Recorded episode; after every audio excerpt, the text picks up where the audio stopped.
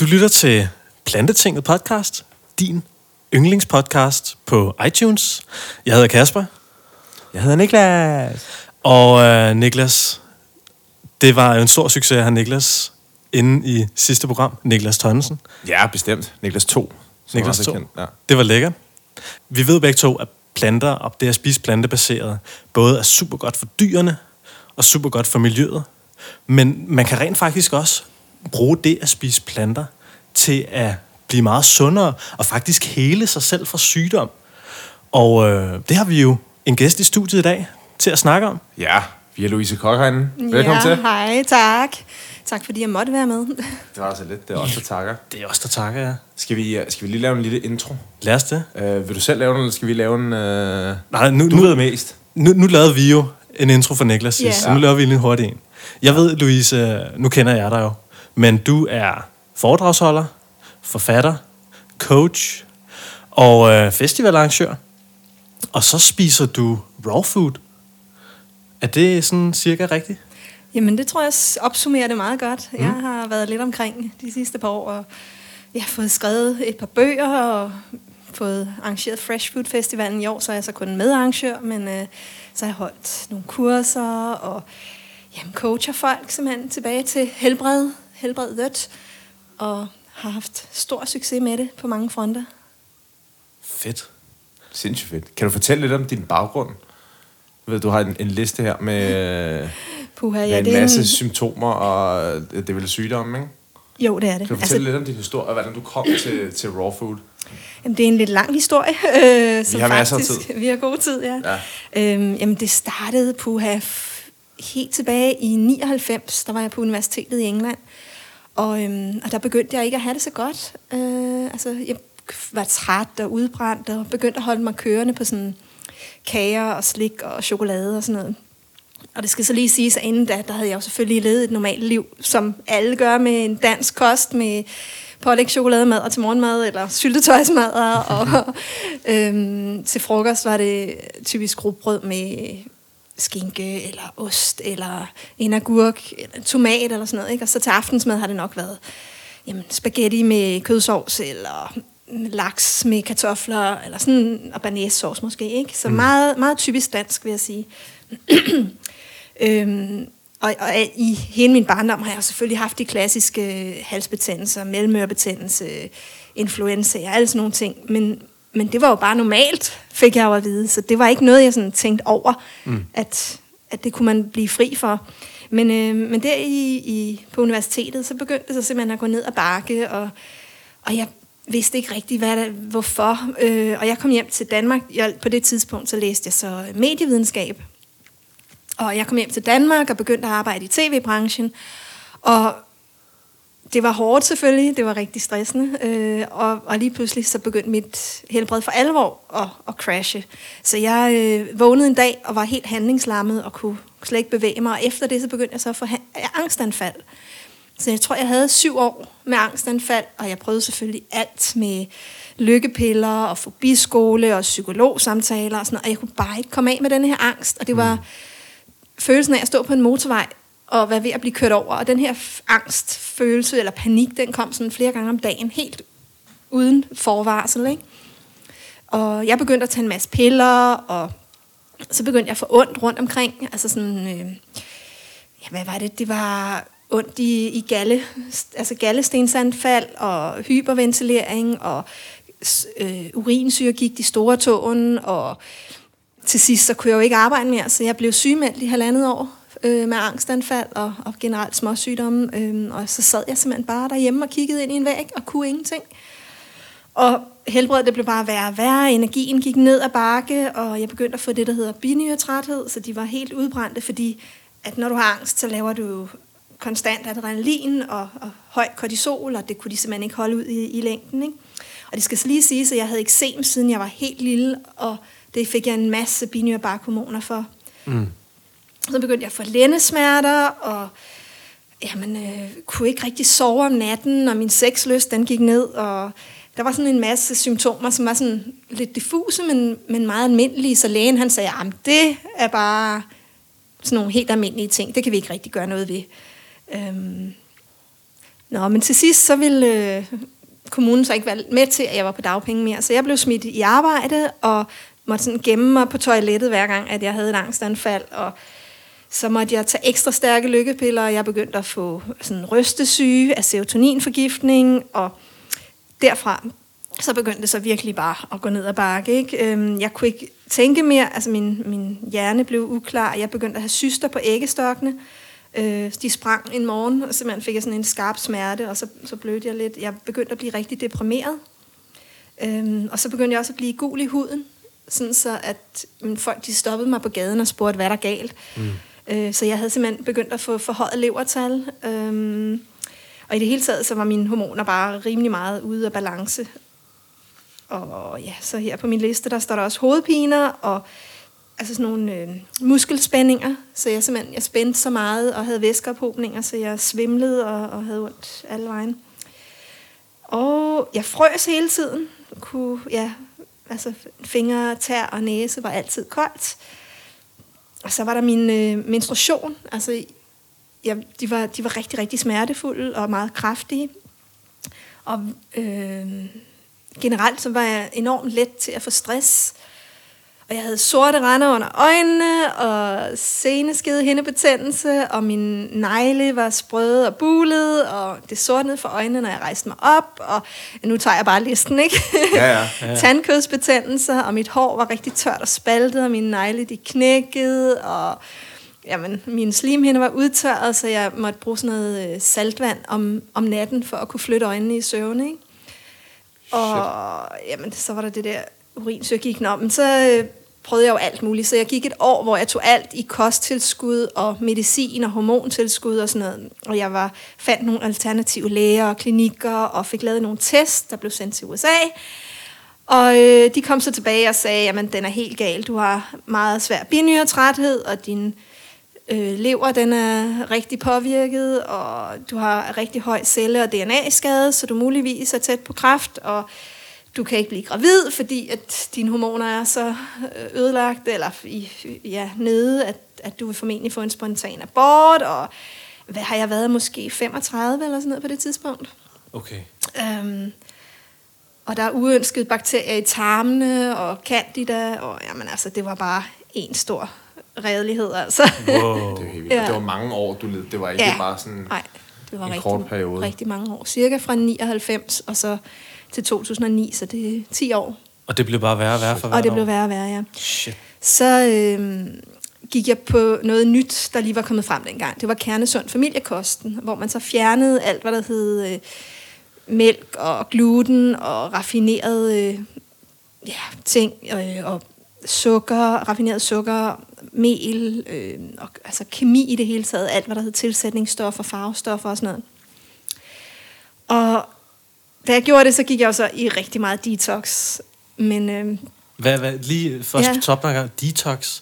ja, Hvad, hvad skete der der? Kan du prøve at forklare, sådan du har lyttet der, så Ja, så ja. tænker, hvad Jamen, altså, når kroppen lige pludselig ikke får så meget skrammel, som den er vant til, så begynder den at rense ud, fordi den har overskud til det, ikke? og så får man faktisk symptomer, der bliver værre. Så det, det er lidt ligesom, hvis man har været til fest og drukket alkohol, så kommer dagen efter, hvor man så har tømmermænd. Og, mm.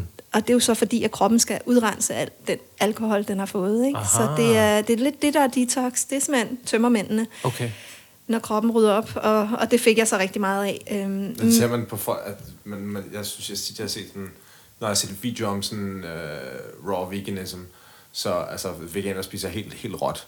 Altså, så fortæller de tit om, at de har, får alle mulige, altså, alle mulige altså, øh, mærker over det hele og sådan noget. Fordi Jamen, det er de har rigtigt. skulle rense ud på den Ja. måde. Altså det, det kom så først senere, ikke? hvor at jeg virkelig gik i detox. Det her, det var kun nogle små ændringer, jeg lavede til at starte med. Ja. Men det var nok til, at jeg kunne mærke det. Ikke? Men Ja. øh, man kan få alle mulige mærkelige symptomer i den periode. Ja. Så, så du begyndte sådan at få detox-symptomer, da du skiftede til den her kernesund Ja, så diæt. simpelthen bare ved at fjerne mælkeprodukter og hvede og altså gluten og raffineret sukker og kemi og sådan noget. Det var mm. nok. Okay. Så jeg fik det vildt dårligt, men samtidig så gik min angst væk. Mm. Så det var enormt interessant, at det, jeg havde haft angst, altså at syv års angst gik væk på måske en måned eller sådan noget. Det var jo helt vildt. Wow. Øh, og så tænkte jeg, der er et eller andet med kosten her, der er rigtigt. Ikke? Mm. Og øhm, jeg fortsatte så det her år med alt i kemi også, øh, så det, eller ikke kemi, men, men piller, altså tilskud, så jeg stod og lavede store, ikke proteinshakes, men puttede alle mulige, hvad kan det være, øh, bare sådan noget, du kan få ned i en helsekost. Alt, hvad der var sundt, det puttede jeg i mine smoothies, ikke? Mm. Øh, og jeg blev ikke så meget sundere. Jeg hældte olie ned. Masser af hørfrøolie og sådan noget. øhm, og senere så gik jeg så over på en binyretræthedskost, og det hjalp heller ikke specielt meget. Jeg kan ikke huske, hvad den gik ud på. Men jeg prøvede sådan lidt nogle forskellige kostretninger, mm. og, øhm, og var stadig ikke helt på toppen. Så, fordi jeg var ret alene på det her tidspunkt med det, altså lærerne kunne ikke rigtig hjælpe mig, og familien kunne ikke forstå det, fordi jeg lignede stadig en, der var nogenlunde rask, men jeg havde det bare så elendigt. Jeg kunne til sidst dårligt nok gå fem skridt. Altså, jeg kunne ikke øh, forlade min seng i perioder. Jeg kunne ikke stå længe nok op til at tage et bad eller til at, at tage opvasken, så mine binyrer, de var bare helt flade. Mm. Øhm, ja, og, og da det så var aller værst, så lå jeg i min seng og lavede en gruppe for folk med binyrtræthed, og derinde i, så var der så en pige, der hed Cecilie, som øhm, skrev om en eller anden mærkelig plantekost. En grøntsagskur, en tosset grøntsagskur kaldte jeg det. Og hun blev ved med det der, ikke? Og vi andre, vi snakkede piller og hormoner og alt muligt. Mm. Og, øhm, og jeg prøvede sådan, jamen Cecilie, det, det er jo noget mærkeligt noget, og hvad kan det gøre at spise mere frugt og grønt? Fordi vi spiser jo allerede lidt, ikke? Altså, det kan da ikke gøre den store forskel. Og hun blev ved og linkede til videoer og sådan noget. Og så tænkte jeg, okay, jeg bliver nødt til at kigge på det, ikke? Og, og se, hvad det er for noget. Så jeg gav det et forsøg i 14 dage. Og det er så nu blevet til syv og et halvt år, ikke? Hold da kæft. ja.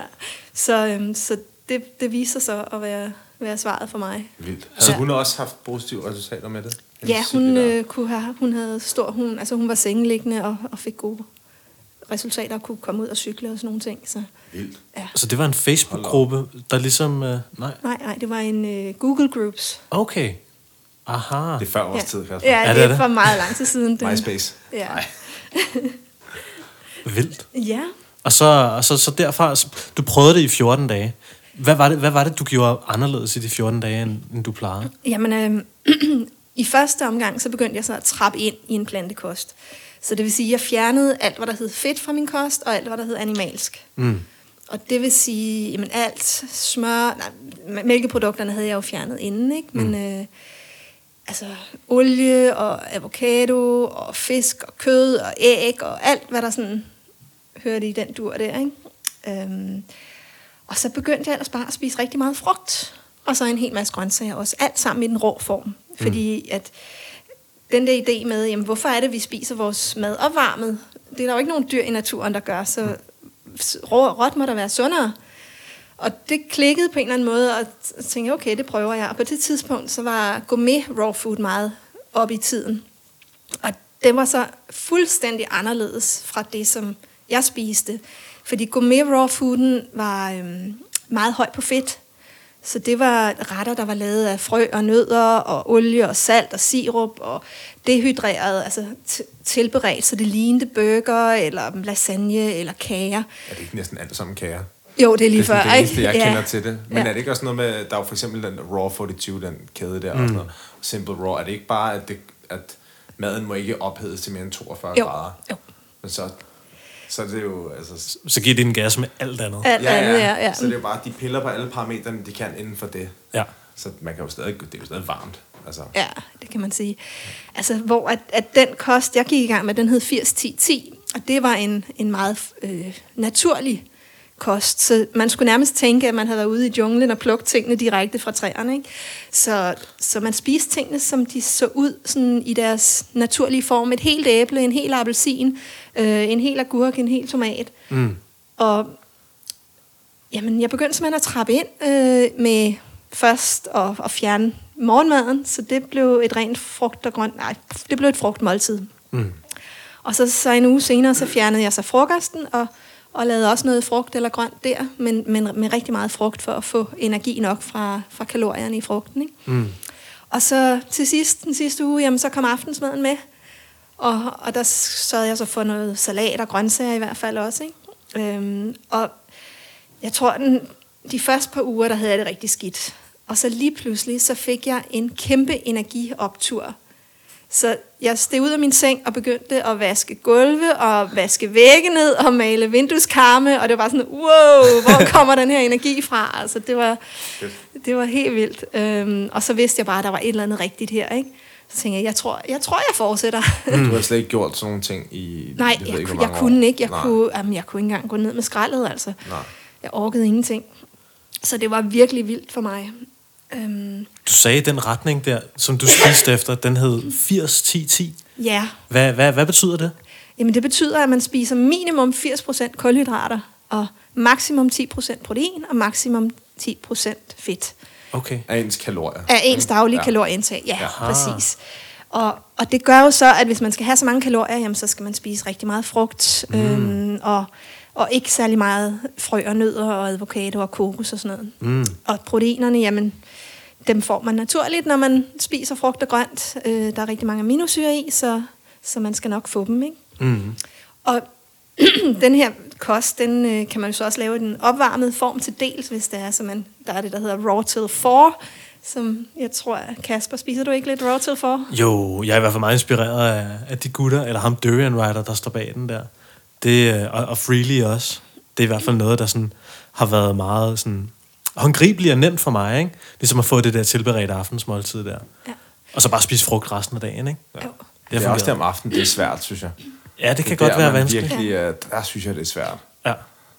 Jamen det, det er, tror jeg, de fleste de kæmper med aftensmåltid, og jeg, jeg har en teori om, at det er ligesom om, at man vågner frisk om morgenen, og så er man glad og high vibe, og så er det let at tiltrække frugt og noget sund mad, ikke? og så bliver man mere og mere træt i løbet af dagen, og så skal man bare have noget, der matcher, sådan som man har det, ikke? og så, så tiltrækker man den her lidt tunge mad.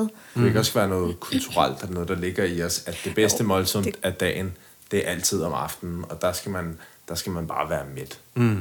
Og altså at spise noget, øh, noget, der ligger tungt. Jo, det kan godt være. Ja. Det er i hvert fald den, som folk kæmper allermest med, ikke? ja. Øhm, Fordi det er i hvert fald, når jeg har, jeg har eksperimenteret rigtig meget med, med at spise helt raw, gjort det, jeg tror det længste, jeg gjort der i gang, det var måske øh, 6-7 uger, tror jeg. Og jeg smed latterligt meget vægt. Sådan Okay. helt, altså det giver slet ikke nogen mening, hvor meget vægt jeg, jeg smed. nej, man skal spise rigtig meget. Ja, jeg, jeg, jeg spiser bare mit, øh, mit ligevægtsindtag. Jeg tror, jeg har, talt, jeg har talt om podcastet før, men jeg gentager lige.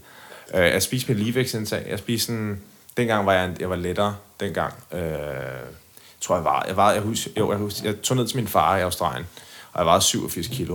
Og jeg var der 29 dage, og jeg spiste præcis 1800 kalorier hver eneste dag af rå frugt og grøntsager. Og jeg tabte 18 kilo. Jeg var 70-29 dage senere. Hold da op. Og jeg Jamen, jeg vil, jeg vil sige 1800 kalorier for dig, det vil også være alt for lidt. Ja, ja. Jeg vil pleje at sige, at en som mig skal have minimum 2.000 ikke? Mm. Ja. til 2.500, og, og når du er mand, så er du op på de 2.500 til 3.000 for at kunne trives på en, en frugtbaseret kost. Mm, og især ja. hvis man motionerer lidt. Ikke? Så, Ja, ja. Altså, hvis jeg skal nu, når, når jeg spiser, for eksempel så spiste jeg i dag, så jeg spiste raw hele, uh, i går spiste jeg raw, spiste raw i dag, og spiste måske 1200 kalorier til morgenmad, ja. og i hvert fald 1000 til frokost. Uh, så man skal bare hjerne det ned, og så længe der ikke er noget salt eller fedt i, så altså selvom du, jeg har også eksperimenteret med at spise bare sådan kun dadler og spise måske 7000 kalorier om dagen, og det er ikke, uh, kroppen kan jo ikke omdanne ren uh, kulhydrat til kropsfedt. Det er en helt vildt omstændig proces for kroppen. Det er meget, meget nemmere. Jeg ved ikke, om du har set mange af dit uh, uh, foredrag af John McDougall, McDougall hvor Jo, han fortæller om den proces, den hedder de novo lipogenesis, og det er helt vildt omstændigt for kroppen at gøre. Okay. Så når du kun spiser sådan en helt rå frugt, så kan din krop ikke rigtig omdanne det til kropsfedt. Nej. Men det er nok også derfor, at rigtig mange på den her kost, altså de har jo bare den perfekte vægt. Mm. De, altså, ser, selvfølgelig hvis de underspiser, jo, så bliver man for, for tynd, ikke? Men, Ja. men hvis man overspiser, man kan næsten ikke tage på. Mm. Med mindre at man måske spiser meget opvarmet om aftenen, så er der nogen, der har en tendens til at tage på, ikke? Men, mm. Ja. men ellers ikke. Hvad er den... Ja, det er noget, jeg har tænkt rigtig meget over. Hvad er... Altså, for jeg føler, at jeg kan spise så meget, jeg vidderligt, altså tonsvis af mad, så længe det Ja. er ikke dadler. Så længe det er raw, men Ja. ikke, ikke dadler. Der, der er det som om, der, der, er- hvis jeg spiser mere end 6.000 kalorier på en dag, så kan jeg godt mærke næste dag, så er det lidt som om, det har været juleaften i går. Så har jeg Okay. sådan, føler mig sådan lidt... Uh, øhm, men det, ved du noget om den proces? egentlig? Nej, desværre ikke rigtigt. Ja, fordi okay. det, jeg undrer mig over, at, at jeg, jeg kan altså spise det, jeg skal bruge af kalorier, ja. Og så bare smide væk helt vildt. Ja. Hvordan det fungerer. det er mærkeligt, synes jeg. Jeg har ikke lige de gode teorier der. Nej, og der er ikke, man kan sige, der er heller ikke rigtig nogen penge i at undersøge det sådan rigtigt. Nej. Så der er ikke her mange studier lige på det område, men det er i hvert fald super interessant. Det er sindssygt det er interessant. klart værd at eksperimentere med. Ja, helt sikkert. Ja. Men Louise, du, var, du siger, du har spist rå frugter og grøntsager. Det har du levet af i syv og et halvt år. Yes. Og så sidder der, der sidder jo nok, vi har nok nogle lyttere, der sidder og tænker, okay, hvordan kan det lade sig gøre? Ja. Altså, det, altså, jeg kan huske for første gang, jeg hørte om raw food, så tænkte jeg, det, det, kan, du ikke, det kan du ikke leve af. Nej. Hvad, hvad fanden? Altså, Ja, hvad, hvordan, hvordan kunne du bare, hvordan tog du kaste dig ud i det? Men altså, jeg, jeg startede med at taste nogle typiske måltider ind i et online-program, der simpelthen viste, hvad jeg fik af næringsstoffer. Mm, hvad var Og det for et program? Det var noget, der hed kronometer.com. Mm. Et, et amerikansk program, tror jeg. Ja. Og der kunne jeg jo så simpelthen se, at jeg fik det hele undtagen B12. Okay. Så jeg tog B12-tilskud, men derudover så sørgede jeg for at, at få alle de forskellige næringsstoffer fra planter. Mm. Så øhm, noget af det, jeg begyndte at lave, det var noget, der hed grønne smoothies. Mm. Og der kunne jeg virkelig også mærke et boost. Og det betød simpelthen, at jeg begyndte at blende min salat. Mm. Øh, så det tænker folk nok, ej, det lyder klamt. men, øh, men man kan faktisk ikke smage det ret meget, så frugten den overdøver salaten, og så er det en super god måde bare at få alle de her mineraler og fibre fra salat på, uden at man skal sidde og tykke sig igennem sådan en kedelig salat, ikke? Smart. Det er sgu da genialt. Ja, øhm, så jeg drikker sådan en, en grøn smoothie, det er også sådan en, jeg har med her. Uh. Øh, Hvad har du i den? Jamen, der er banan og rucola. Og, Og rucola? Og rucola, ja. Men det er, fordi jeg elsker rucola. Nå, okay, jeg jeg skulle lige til at sige, det vil jeg, det vil jeg aldrig gætte, det vil Nej. smage godt, for jeg, jeg blender også alt muligt. Jeg bare sådan prøver mig frem. Og jeg bruger altid spinat, Ja, øh, for det synes, det synes jeg det er så nemt, bedst. ja. Ja, jeg er mere sådan en grønkåls kind of guy. Okay, ja. Grønkål i mine uh, banansmoothies der, det fungerer altså godt for mig. ja. Altså, hvis jeg havde haft citron, så havde jeg også puttet det i. Det er fantastisk. Mm. Hvis man kan lide rucola, altså, ikke? Mm. Og hvordan sådan med ration, hvordan sørger du for, fordi der, det er meget nemt at få det til at blive Ja. for bittert, hvis man har for meget grønt i. Ja, men nu er jeg sådan lidt addict af det der rucola, så jeg hælder en hel bakke i. ja. Og så, hvad var der, en ni bananer eller sådan noget? Ja. Og så vand i selvfølgelig, ikke? Mm, ja. Men altså, det er en, en gavet smoothie. Det er, når man har gjort det i syv år, så, så kan man spise sådan en. Altså normalt, de færreste kan spise syv, eller kan spise ni bananer, ikke? Mm. Så, Jeg har gjort det to gange i dag. Ja. jamen, det gør jeg også snilt, altså. Ja. Hvad, hvad spiser du så på en dag, Louise? Uha, jamen, øhm, det er jo så typisk sådan en grøn smoothie til morgenmad. Mm.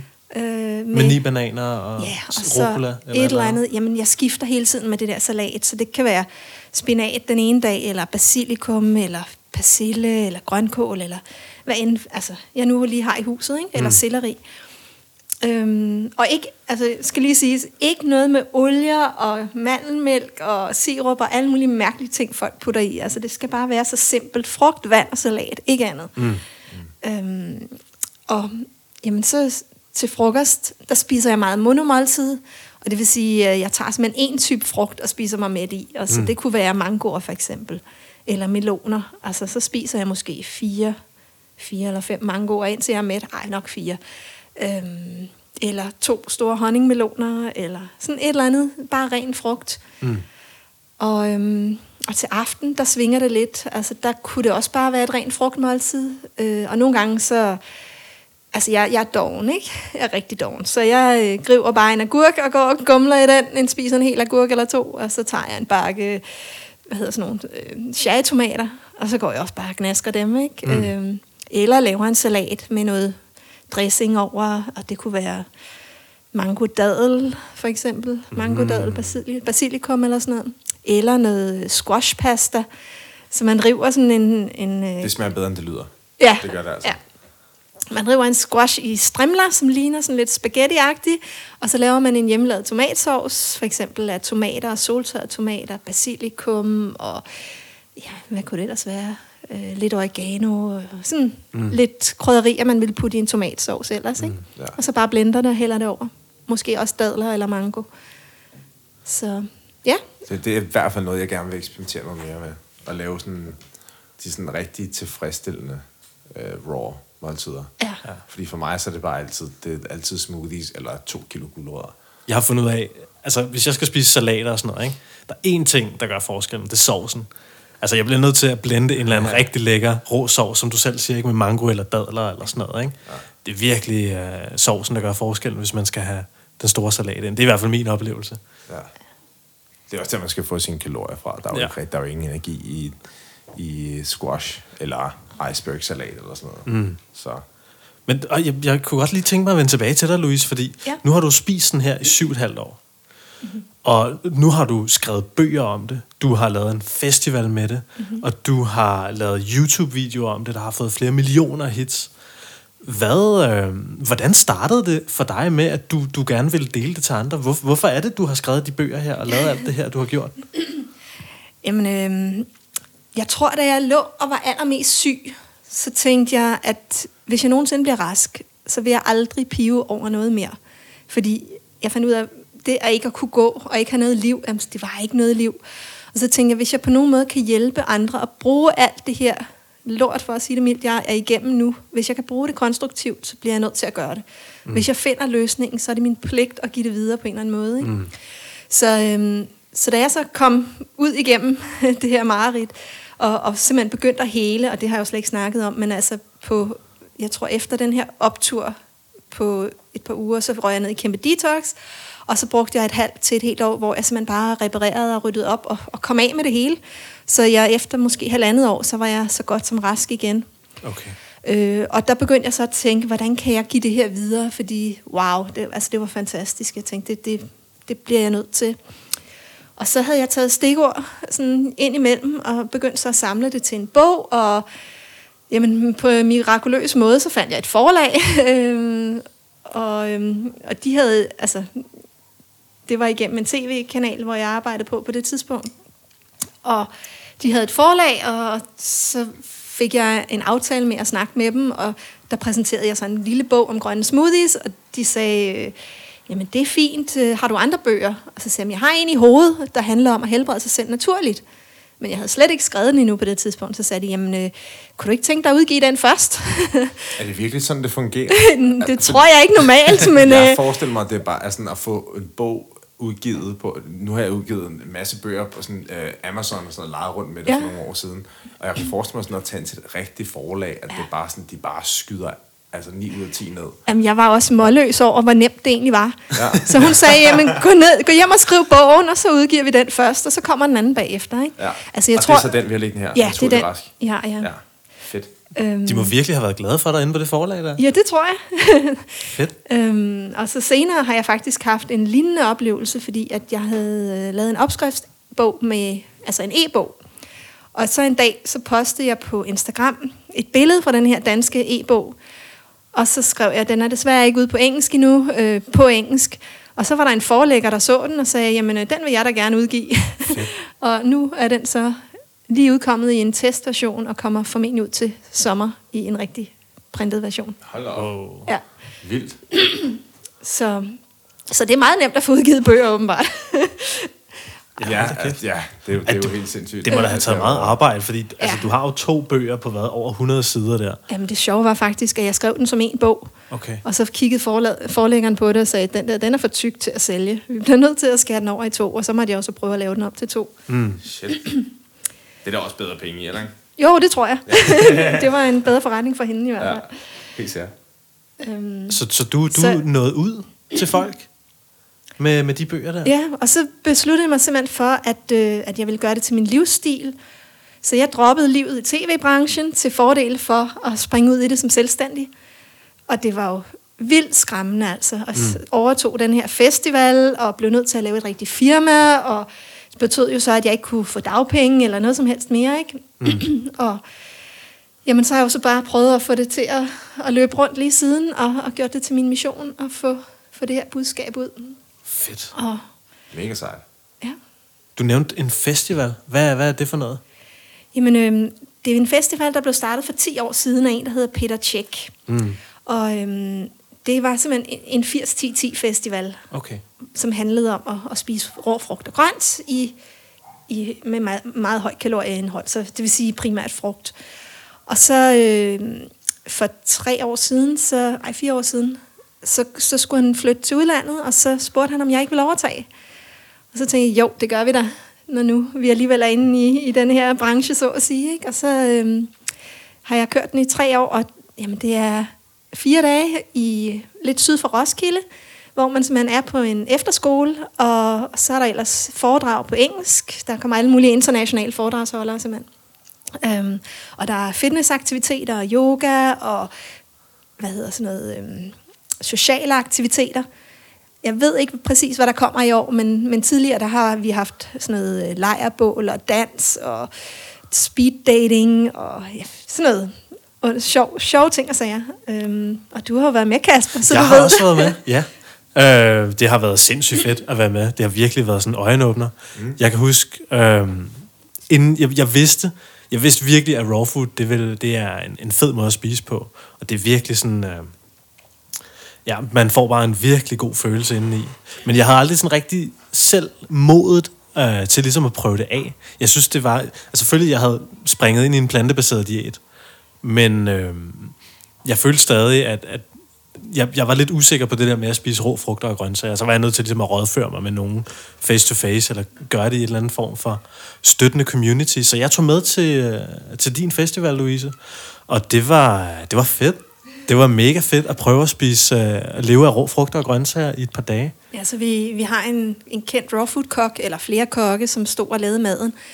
Og så var der jo bare kæmpe mængder af alt muligt lækkert. Både moden frugt, men også øh, lidt ala gourmet retter, ikke? Men uden at det var højt fedtindhold. Mm. De, der er jo hvad, en 100, 150... Ah, cirka 100 deltagere Cirka var der. 100 ja, deltagere. Ja. Og så, så er der, altså, der er bare meget mad. Der er bare så mange Ja. bananer. Der er så mange meloner. Det er sådan, altså, du har aldrig set så meget frugt før i hele dit liv. Men der er Ja. også mange altså, frugter, man normalt ikke ser i Danmark, ikke også? Jeg mener, du, du havde en YouTube-video på et tidspunkt, Jo, hvor jo, du jo. havde filmet noget, og så så man... Øh, så var der noget frugt, som man hvert fald ikke kan få i en grønhandler i Danmark. Ja, Jeg jamen, vi plejer huske, at have sådan nogle øh, eksotiske frugtbuffet, hvor man kan få lov at smage Ja. nogle ting, man ikke har prøvet før. Ikke? Ja. Som for eksempel hvad? Det kunne være mangosten, eller longan, eller øh, dragefrugt, eller ja, pitahaya, hedder det dragefrugt, ja. øhm, ja der, Durian. der er mange. Durian også, ja, mm. helt sikkert. For I kommer... Har I fået durian til det? Altså, det vil undre mig meget, hvis ikke vi gør det. Ja. For jeg ved, ham der arrangerer det, han er ret glad for durian. Jeg kunne bare forestille mig, altså uden for Sydøstasien, er det ikke bare altså, helt latterligt dyrt. Ej, det, var ikke, det er ikke så galt. Jeg mener, at ude inde ved hovedbanen kan man godt købe det i nogle af de der asi- asiatiske butikker for Rigtigt. måske sådan en, mm-hmm. en 50 og en 60 kroner måske. Jeg tror, ved- er det blevet dyrere? 75 kroner kilo, Okay. tror jeg, det Er står det til. frossen så, eller? Ja. Ja. Okay. Ja, men så kan du købe sådan, du kan købe de der pots, som det hedder. Ja. De der små gule klumper, der ligger inde i. Dem kan du købe i kasser. Jamen, eller, det, var dem, det var dem, jeg tænkte på. eller du kan købe hele frugten, også Okay. frossen. Er det rigtigt? Men det er så rimelig dyrt. Det, ja. Hold Ja. ja. op. Fordi jeg kan huske, i Thailand, det var ret dyrt. Ja. Jeg, og jeg, jeg, jeg spiste det et par gange, og så var jeg sådan, efter anden gang, jeg havde spist det, der kom jeg til at købe lidt for meget. Min far kunne ikke lide, at jeg skulle spise hans, så jeg var sådan, jeg skal aldrig nogensinde have det her igen. Det kan være, at vi lige skal forklare, hvad durian egentlig Ja. ja. er. Altså, det er sådan en kæmpe stor frugt med, med pigge. Og når man så åbner den, så ligger der de her pølser af frugt, som lugter enormt meget af rådne æg nærmest. Ikke? Mm. Og folk, de, som aldrig har prøvet det før, de synes, det lyder som det mest forfærdelige i verden. Ja. Og så når man smager det, så er der nogen, som elsker det lige fra starten af, og så er der nogen, der bare hader det, og måske skal smage det tre-fire gange, før de kommer til at kunne lide det. Ikke? Mm. Men øh, det er en meget speciel frugt. Den smager lidt af, af vaniljebudding med løg. Ja, jeg skulle også til at sige løg, men altså ikke på en dårlig måde. Nej, det er rigtig Det, det, lækkert. øh, altså, det, det smager, jeg synes, det smager altså ikke, det lugter så dårligt, som folk gør Nej, det til. okay. Jeg synes, det er lidt, det er lidt overdrevet også, det, man, man må ikke have den på, med på metroen i Singapore og sådan noget. Det synes jeg, jeg synes, det er lidt overdrevet. Så dårligt synes jeg ikke, det lugter. En af mine venner, han siger, at det lugter af brugte blæer. men, øh, men, men det kan man. Du, du kom, vi, kom, vi snakkede om Thailand før. Ja. Du øh, bruger meget tid i Thailand, Louise. Oh ja. Kan du, kan du prøve at fortælle os lidt om, hvad, hvad, hvad render du og laver dernede? Uha. Øhm, jamen, altså, jeg prøvede jo... Jeg har faktisk lige lavet en video om Thailand, skal lige siges, på, uh. på YouTube. Men øhm, for... Jamen, det var snart også... Jeg tror, det var i 2010, så det er syv år siden.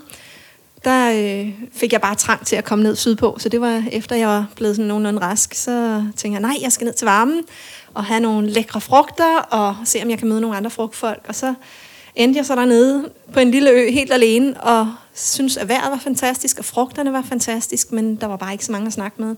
Og så siden, så er Thailand så blevet lidt af et mekka for sådan nogen, som lever ligesom mig. Så, øhm, så jeg begyndt at tage op til en storby, der hedder Chiang Mai. Og der møder jeg så en masse folk, som lever og spiser på samme måde. Og det er en forurenet storby på den måde, der er rigtig meget trafik, og de brænder markerne noget af året, så der er røg i luften og sådan noget, ikke? Så, så der stikker vi af. Men, men ellers så er der bare rigtig mange muligheder, så man kan dyrke sport. Jeg danser standarddans og for timeren, mens jeg er deroppe. Og man kan tage ud og spise, så der er en, en masse veganske restauranter. Øhm, så ja, de folk, der kommer, er selvfølgelig både veganere og raw till 4, det vil sige, at man spiser opvarmet efter aftensmad. Og så 80-10-10'ere øhm, som mig. Og, og så mødes vi simpelthen og, og laver ting sammen. Mm. Øh, så det er rigtig hyggeligt. Hvordan kan det være, at der er så mange, der tager til... Altså, Chiang Mai er jo også en stor by. Hvordan, hvorfor tager de ikke bare til Bangkok? Hvad er forskellen? Jamen, jeg tror, det er, fordi det er en lille storby, som er meget spredt ud, og, og den har enormt meget at byde på, på en anden måde. Altså, Bangkok er meget hektisk og businessorienteret, og Chiang Mai er sådan mere, mere turistet, mere ferieagtig, øh, og mere, ikke hippie, men, men åben for sådan nogle alternative ting. Ja. Mm. Så, ja, så det er det også billigere, ikke? Jo, og så selvfølgelig jo. er det halv pris. Øh, I forhold til Bangkok? Ja, det vil jeg tro. Hold op. Ja. Og så måske også det, at man, altså, du kan køre 10 minutter på en cykel, og så, så er du med ud i junglen.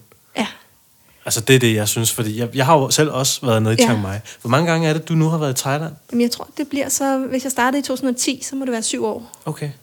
Hvor du hver vinter er taget ned? Ja. Og boet dernede? Yes. Wow. Jeg er simpelthen stukket af fra det kolde. Jeg bliver mm. vinterdeprimeret nu.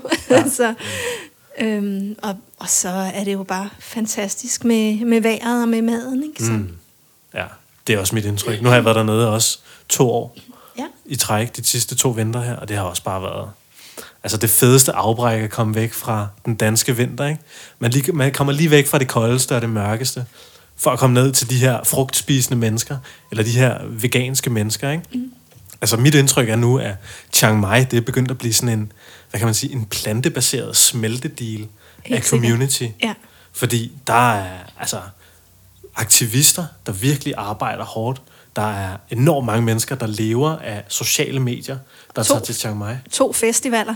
To frugtfestivaler. Ja. På, ja, om, en om sommeren og en, en om vinteren. vinteren ja. ja. Kan du prøve at fortælle os lidt om, hvad, hvad det er for nogle festivaler, der sker dernede i Chiang Mai? Jamen, øh, der er en gut, der hedder Connor, som fra USA, som arrangerer en, en Fruit Winter Festival, hvor at det er, jeg tror, det er 10 dage med aktiviteter, som man kan deltage i gratis. Så skal man så bare selv skaffe mad og bolig. Og så er der så ture ud til en sø, eller en, et vandfald, eller sådan, altså aktiviteter, man, man kan deltage i. En picnic i, i parken, eller sådan noget. Og den anden, det er en Raw Till 4 Festival af ham, som du kalder Durian Rider der. Øhm, og jeg må indrømme, jeg ved ikke helt, hvordan det går ud på nu, eller hvad det går ud på, men det er mere sådan for folk, som følger ham, og som kan lide at cykle på højt plan, og som spiser opvarmet om aftenen, og så er det ellers bare mere at tage ud og cykle og høre nogle foredrag med ham, og kan du fortælle mere, Kasper? Du ved nok mere, end jeg kan. Jeg har ikke, faktisk ikke været på Durian Riders Festival, men okay. min kæreste har. Ja. Øh, og hun fortæller, at det er ret fedt. Så står man op hver morgen klokken, øh, hvad er det, klokken halv syv, og så klokken syv, så, så kører de op ad bjerget. Der ligger et bjerg lige ved siden af Chiang Mai, der hedder Doi Sutep. Og det er super, super godt at cykle på. Så der, der mødes altså hobetal af veganere hver morgen under den festival, og bare ligger og cykler op og ned ad det bjerg der. Ja, fordi det, der er med det, det er jo, at når man spiser sådan her, så får man jo vildt meget energi. Mm-hmm. Så øh, jeg må indrømme, mange af de mennesker, jeg møder der, det er simpelthen nogle af de gladeste og mest øh, fitte, så at sige, mennesker, og stærke også, mm. jeg kender. Så det er, øh, gutterne, de går i fitnesscenteret og, og løfter vægte og cykler op og ned ad bjerget, og kvinderne, jamen lidt det samme, og laver yoga, og ligesom mig danser og cykler rundt i byen, ikke? Så altså, det er virkelig inspirerende at være der, mm. og, og møde folk fra hele verden, som bare har overskud til at, at tage sig af deres, dem selv og deres øh, ja, fysik. Mm.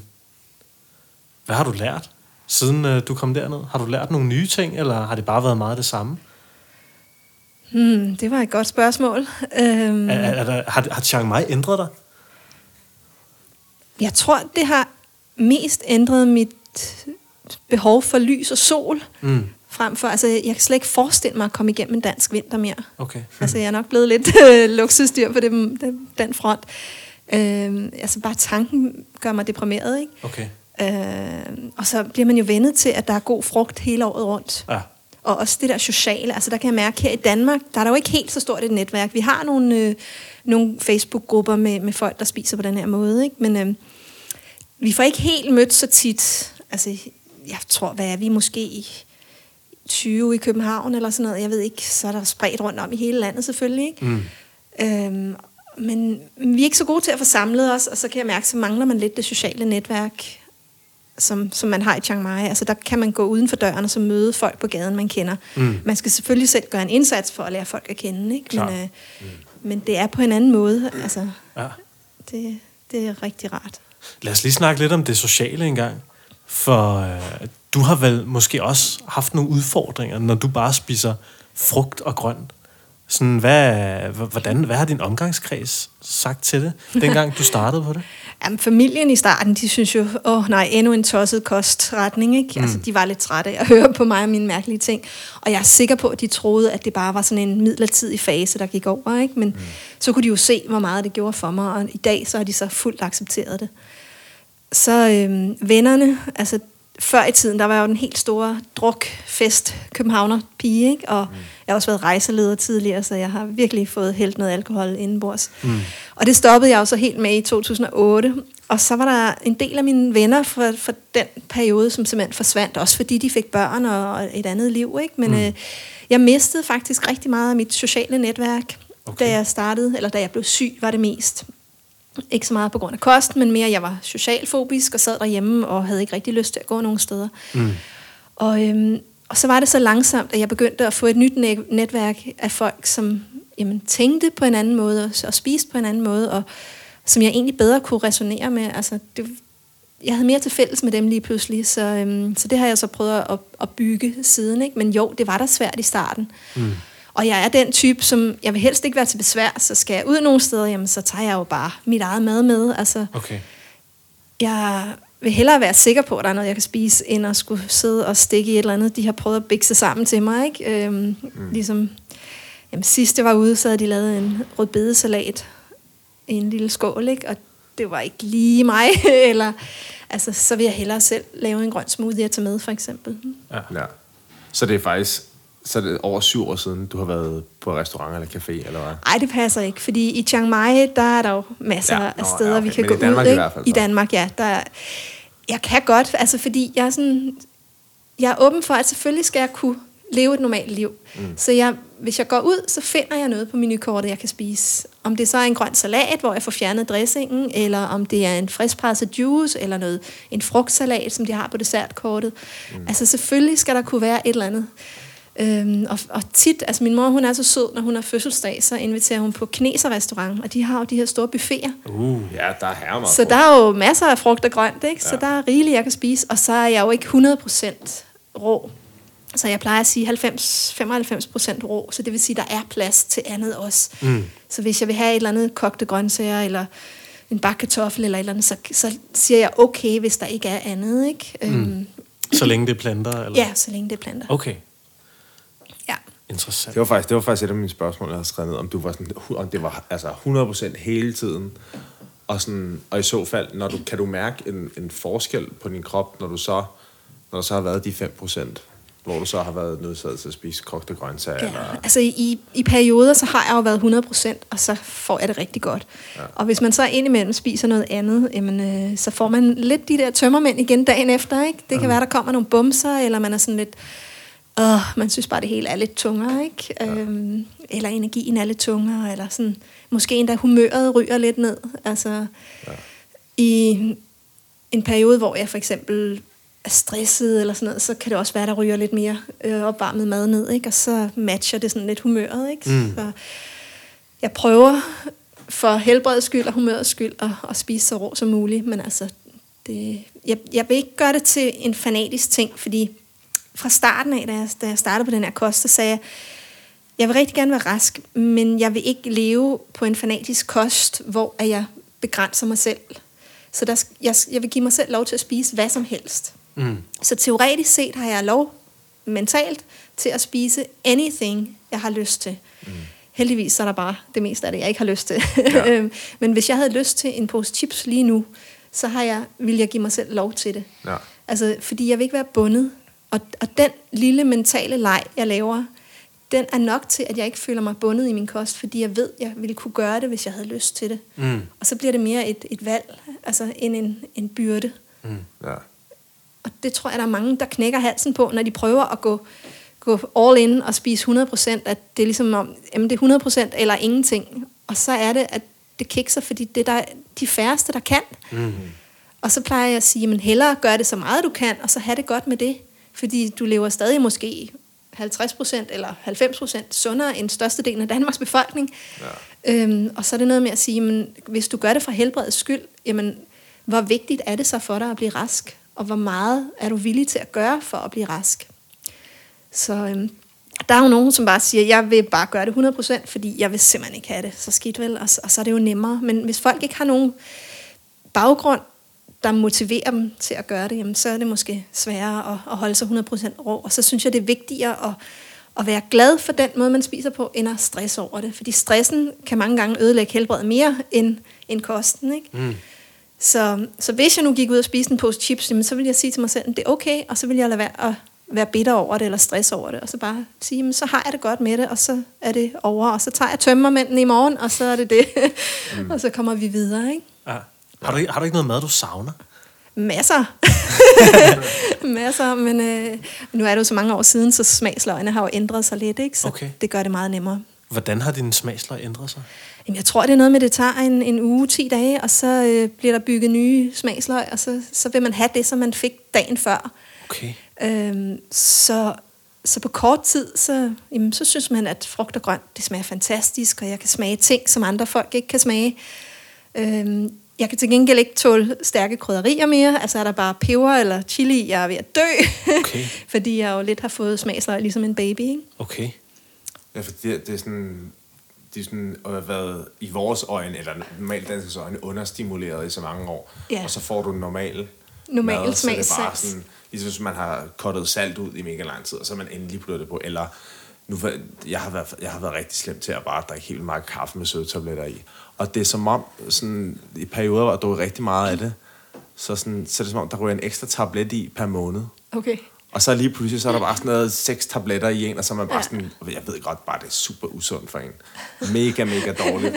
Så øh, det, det, er, det er ens smagspalet, den ændrer sig. Den ændrer sig meget, meget, meget ja. nemt. Og det er jo også sådan, når man er, nu ved jeg, jeg har selv spist helt raw i mange øh, i længere perioder, at det er lige de første par dage, der er det bare Ja, den er hård, ja. Men der er i hvert fald det, jeg synes, der har hjulpet bedst, det er virkelig bare at bare æde så meget, man bare ikke, altså, at du ikke har plads til andet.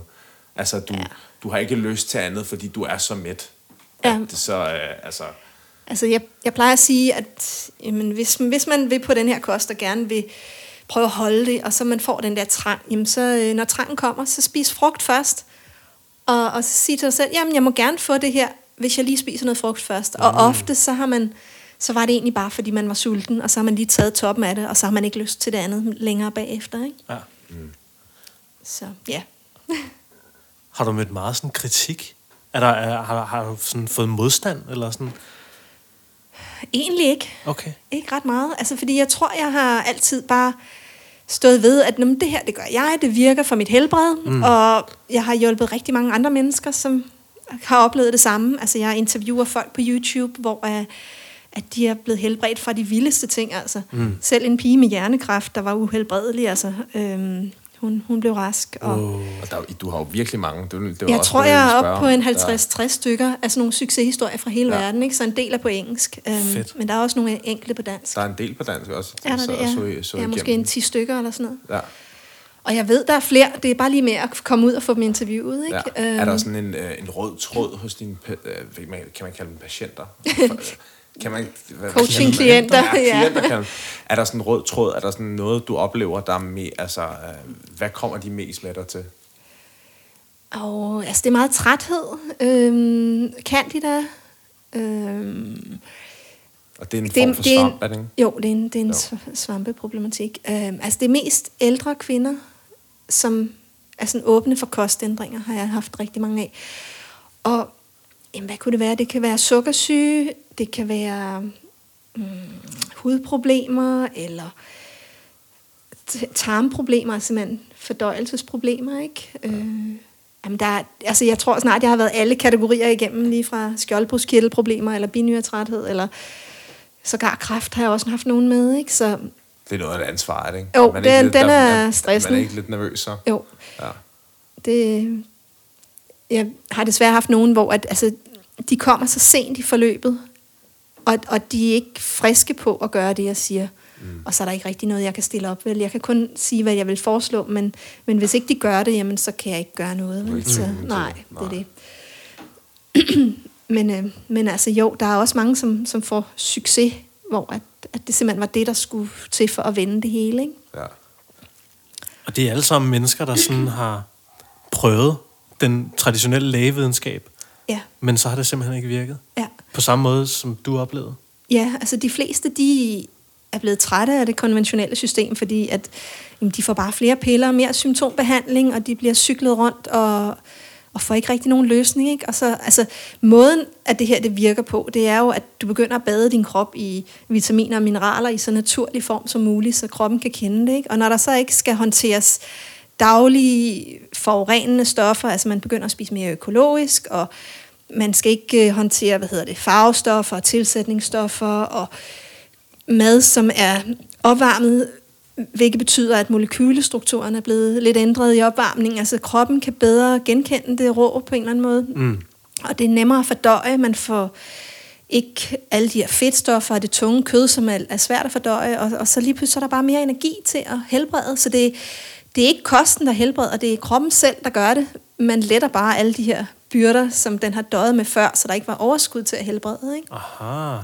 Så, øhm, så det man kan sådan sige, det er nogle forskellige, at der er nogle forskellige gear, og, og man kan spise vegansk, jamen, så vil det helt klart hjælpe på helbredet, og så kan man øh, spise, lad os sige, raw till 4 med kun delvist vegansk, jamen, så er der lidt mere overskud til at helbrede, så kan man gå fuldt rå, og så får den endnu mere overskud, og så kan man lave øh, for eksempel en juicekur, hvor man kun drikker juice, eller kun spiser meloner i, i nogle dage, eller sådan noget, ikke? og så er der endnu mere overskud til, at kroppen ligesom ikke skal håndtere alt muligt forskellig mad og forurenet mad, og den har bare overskud til at kunne tage sig af, hvad end problemer der er i kroppen. Ikke? Så, så der er ikke noget, der helbreder andet end kroppen selv. Mm. Men vi kan, kan hjælpe den på vej ved at, at lette nogle byrder. Og så er der jo så nogen, der siger, jamen bliver det så ikke for ensformigt, og får vi mangelsygdomme og sådan noget. Ikke? Og min oplevelse er, at jamen, der skal lang tid til, før der står- opstår mangler, så man kan godt tage en periode kun på en eller anden ting, uden at, at kroppen går i, i mangeltilstand. Men mindre man er meget syg allerede, så kan det godt være, at man har mangler allerede. Ikke? Men altså, øhm, jeg, Ja. har, jeg har levet på kosten nu, som sagt, i syv og et halvt år, og jeg har ikke oplevet mangler endnu. Der var en, øh, du havde inviteret en foredragsholder på din festival et år, der hed Anne Osborn. Og hun holdt et, øh, et foredrag, som, altså, det, det ændrede lidt min, øh, mit, mit sådan verdensbillede. Hun, øh, hun havde spist meloner i, i et halvt år. Hun havde kun spist meloner Ja. i et halvt år. Og så hun havde lavet sådan nogle eksperimenter, hvor hun også bare havde spist Appelsiner? appelsiner i hvor lang tid? Ja, men også flere måneder. flere måneder, og sådan kun vindruer i... Ja. Ja. Og så, så opdagede hun, der skete nogle helt bestemte ting med hendes krop i forhold til de ting, som, øh, som hun havde eksperimenteret med. Og det er jo helt vildt. Altså, hvad var de ting? Jamen, ja, hvad, kan du huske Jeg, det? jeg hørte ikke foredraget. Okay. Jamen, det var et eller andet med, hvis hun spiste øh, vindruer i, i to måneder, så faldt hendes hvilepuls. Okay. Hendes hvilepuls faldt simpelthen sådan 10 slag eller sådan noget. Ja. Altså alle de der meget vandholdige frugter er rigtig gode til at udrense nyrerne med, så man kan, kan hjælpe for eksempel nyrerne t- til at, at blive bedre. Ikke? Øhm, og altså, som sagt, jeg, jeg hørte ikke foredraget, men jeg ved, at, at det er en måde at simpelthen give kroppen ro på, og hvor at nogle de, de går helt i den ydre bane, hvor de så faster og kun drikker vand, ikke? men der kan mm. man sige, det andet det er må- måske lidt mere humant, og så stadig få noget, nogle kulhydrater og noget mad, ikke? så man ikke går og sulter. Har du prøvet sådan en øh, faste der med, med et eller andet? hvor du Mm, bare jeg har prøvet en 10 ting? dage på meloner, Okay. og hold da op, jeg fløj. Okay. Altså, det var helt vildt, som, øh, fordi det er, jo, det er jo meget vand. Og, og man bliver simpelthen så let i kroppen, og jeg blev så lykkelig, og jeg fløj bare rundt sådan helt euforisk. det er ret vildt, det skal prøves, ikke?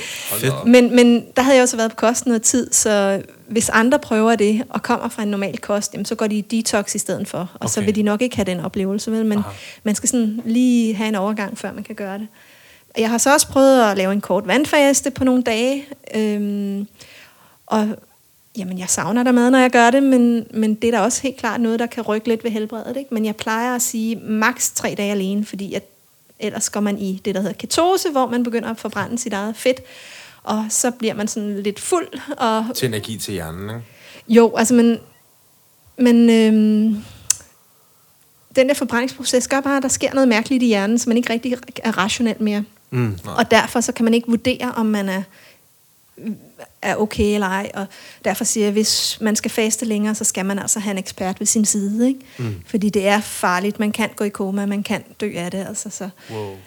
det De fleste anbefaler i hvert fald, at man ikke Ja, går i ketose, men der er alligevel sådan en kæmpe community på nettet øh, af folk, der er sådan er keto, der Ja. er det. der synes jeg, det er fantastisk. Ja, ja, de synes, det er helt vildt fedt, Ja, ja, og det er underligt, fordi ja. der, er, det videnskab, der er noget videnskab for, at det kan hjælpe børn med, Autisme. med ja, autisme, Ja, ja. mener jeg. Ja. Øh, men det er så også, alt andet peger på, at det er super usundt. Ja, altså jeg vil, jeg ville kun gøre det, hvis jeg virkelig, virkelig var syg og skulle prøve at reparere et eller andet meget alvorligt. Ikke? Øhm, sådan sidste, sidste udvej nærmest. Mm. Så ja. Shit, mand. ja. Men, øh, Ketose-diæt.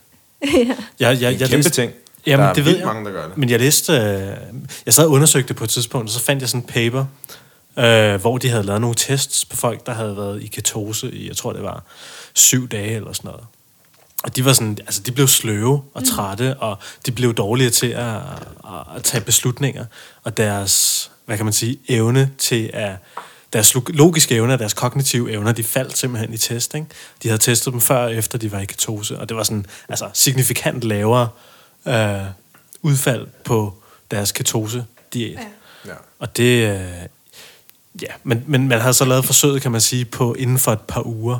Og der, der, der er også nogen, der mener, at hvis du har været på en ketose-diæt i længere tid, lad os sige et par måneder, jamen så stabiliserer det sig, og så, så kommer dine kognitive Men evner en op til par. ketose-diæt, hvad spiser man på sådan en? Fordi jeg har jo kun hørt om, Smør. at man... Smør? Ja, smør. Okay. Det er sådan noget med, at du, du, Ah. ah. du, må, du må ikke få mere end 5% af dine kalorier fra kulhydrat. Okay. Så det er bare heart attack hotel. Ja. øh, og det er også primært, når man går ind og ser, jeg, jeg kan godt lide at sidde og nørde og læse om sådan nogle ting. Selvom det er ting, jeg overhovedet ikke er enig i, eller så, så kan jeg godt lide at bare sidde og læse om det. Øh, og hvis du går ind på sådan noget, øh, for eksempel, øh, hvis du kender Reddit, sådan et Ja. kæmpe forum, der, hvis man går ind på den subreddit, der hedder Keto, det er alt sammen, det er alle sammen helt ekstremt tykke mennesker, Okay. der bare kun er blevet, at der har tabt sig, så nu er de meget tykke.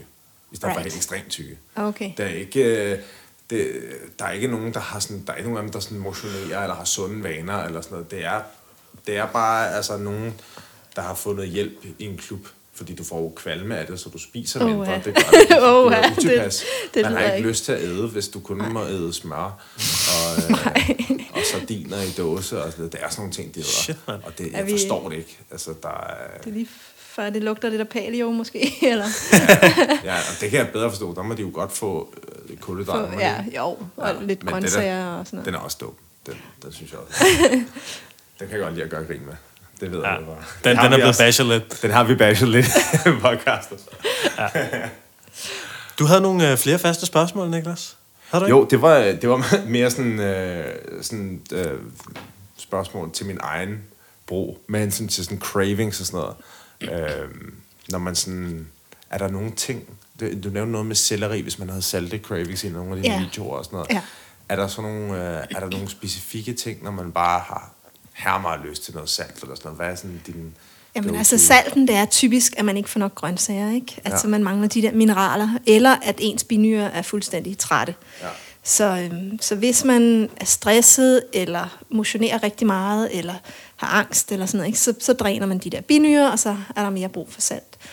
Mm. Øhm, altså typisk så plejer det at være, hvis man craver søde ting, hvis man vil have chokolade og kage og sådan noget, jamen så skal man spise noget mere frugt, fordi øh, der får man det der frugtsukker. Så det er en af de ting, jeg aldrig craver, det er sådan noget sukker, sodavands ting, fordi jamen, jeg får så meget frugtsukker, ikke? Mm.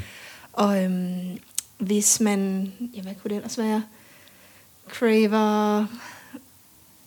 Hvad, har du ikke nogen forslag til, hvad Jo, det kunne være? tænker, øhm, jamen, det, Craver flødeskumskager, fede ting.